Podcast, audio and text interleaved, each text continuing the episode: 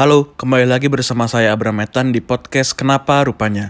Masih di segmen Tuna Hukum di mana saya akan menjawab pertanyaan tentang hukum yang mungkin absurd, tapi sebenarnya tetap mengandung jawaban yang logis dalamnya. Di episode ini, kita akan menjawab pertanyaan, gimana sih akibat hukum dari babi ngepet? Soalnya ada nih yang nanya ke gue soal ini. Ini orang emang kalau mau dihukum pakai pasal apa? Emangnya ada pasal tentang babi ngepet? ya kagak ada. Jarang banget ada pasal yang langsung nyebut secara eksplisit tindakannya. Yang namanya pasal itu biasanya lebih ke delik perbuatannya, jadi lebih bersifat umum.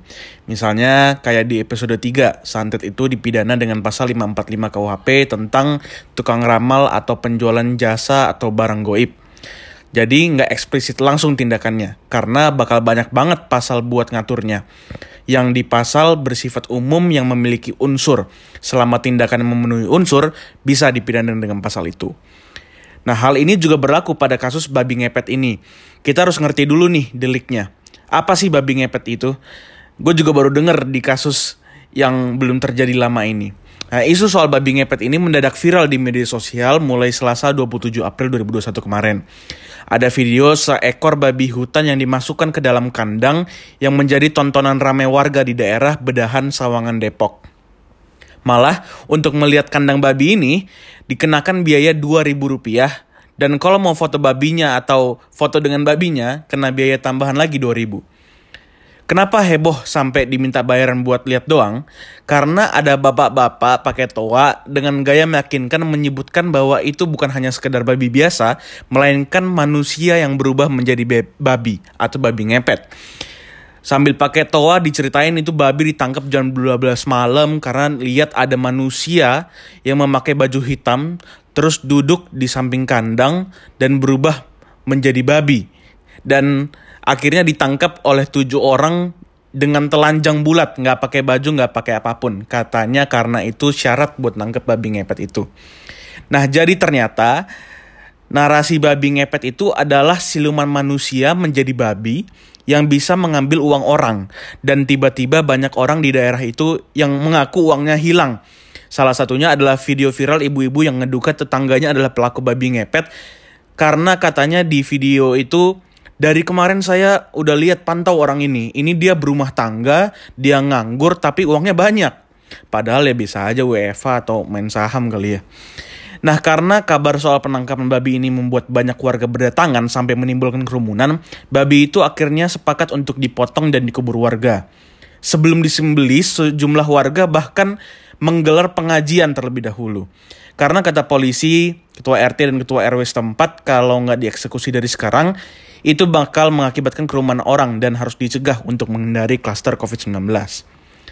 Nah setelah diusut, ternyata nih babi dibeli secara online seharga 900 ribu. Pakai ongkir 200 ribu juga sama bapak yang pakai toa tadi dengan inisial AI.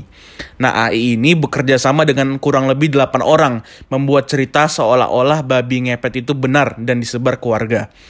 Tapi ternyata itu adalah rekayasa dari AI dan teman-temannya.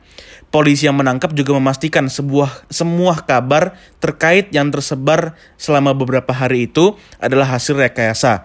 Mulai dari cerita 8 orang bugil nangkap babi ngepet itu sampai skenario orang yang berubah jadi babi. Itu semua dibuat-buat dan hanya untuk mendapatkan intensi, atensi, popularitas dan penghasilan dari uang tiket dan biaya foto-foto dengan babi itu tadi. Hmm, strategi marketing S3 Harvard nih kayaknya nih. Oke, jadi pasal apa sih yang bakal dijerat ke pas uh, ke tersangkanya? Pihak kepolisian mengatakan akan memakai pasal 14 Undang-Undang Nomor 1 Tahun 1946. Di situ di ayat satunya dibilang barang siapa dengan menyiarkan berita atau pemberitahuan bohong dengan sengaja menerbitkan keonaran di kalangan rakyat dihukum dengan hukuman penjara setinggi-tingginya 10 tahun. Ayat 2-nya, barang siapa menyiarkan suatu berita atau mengeluarkan pemberitahuan yang dapat menerbitkan keonaran di kalangan rakyat, sedangkan ia patut dapat menyangka bahwa berita atau pemberitahuan itu adalah bohong, dihukum dengan penjara setinggi-tingginya 3 tahun. Udah jelas nih kalau dibedah dari unsurnya, barang siapa adalah subjek pelakunya yaitu AI dan kawan-kawannya. Berita bohong adalah narasi babi ngepetnya itu dengan sengaja juga pasti karena dia ngaku beli online dan juga dia dapetin keuntungan dari situ. Menerbitkan keonaran juga terbukti karena ini diliput sampai berita dan TV nasional coy. Rame banget. Jadi bisa dihukum maksimal 10 tahun. Itu yang paling tinggi. Sebenarnya tindakan babi ngepet ini kalau dikait-kaitin juga bisa uh, masuk ke pasal-pasal yang terkait dengan tindakan itu. Bisa pasal 28 ayat 2 UU ITE itu tentang kabar bohong lewat media elektronik. Itu dipidana maksimal 6 tahun dan denda maksimal 1 miliar. Atau bisa juga pasal 311 KUHP tentang fitnah, penjara maksimal 4 tahun dan juga bisa pasal 378 KUHP itu tentang menguntungkan diri lewat kabar bohong, maksimal juga 4 tahun. Pasal-pasal ini juga bisa dipakai buat orang yang dituduh babi ngepet itu sama tetangga ibu-ibu tadi. Jadi gitu deh, kok akibat hukum yang bisa timbul dari perkara babi ngepet ini. Pertama-tama sih ya, moral lessonnya ya jangan ngelakuin hal itulah kayak gitu tadi. Itu bakal ngerugiin diri lo dan juga banyak pihak. Dan yang kedua dan yang paling penting nih, tolonglah masa 2021 masih percaya babi ngepet. Di luar udah ngomongin ke Mars, inovasi, teknologi, Silicon Valley, nana ini. Dan kita masih ngojong ngomongin babi ngepet. Aduh.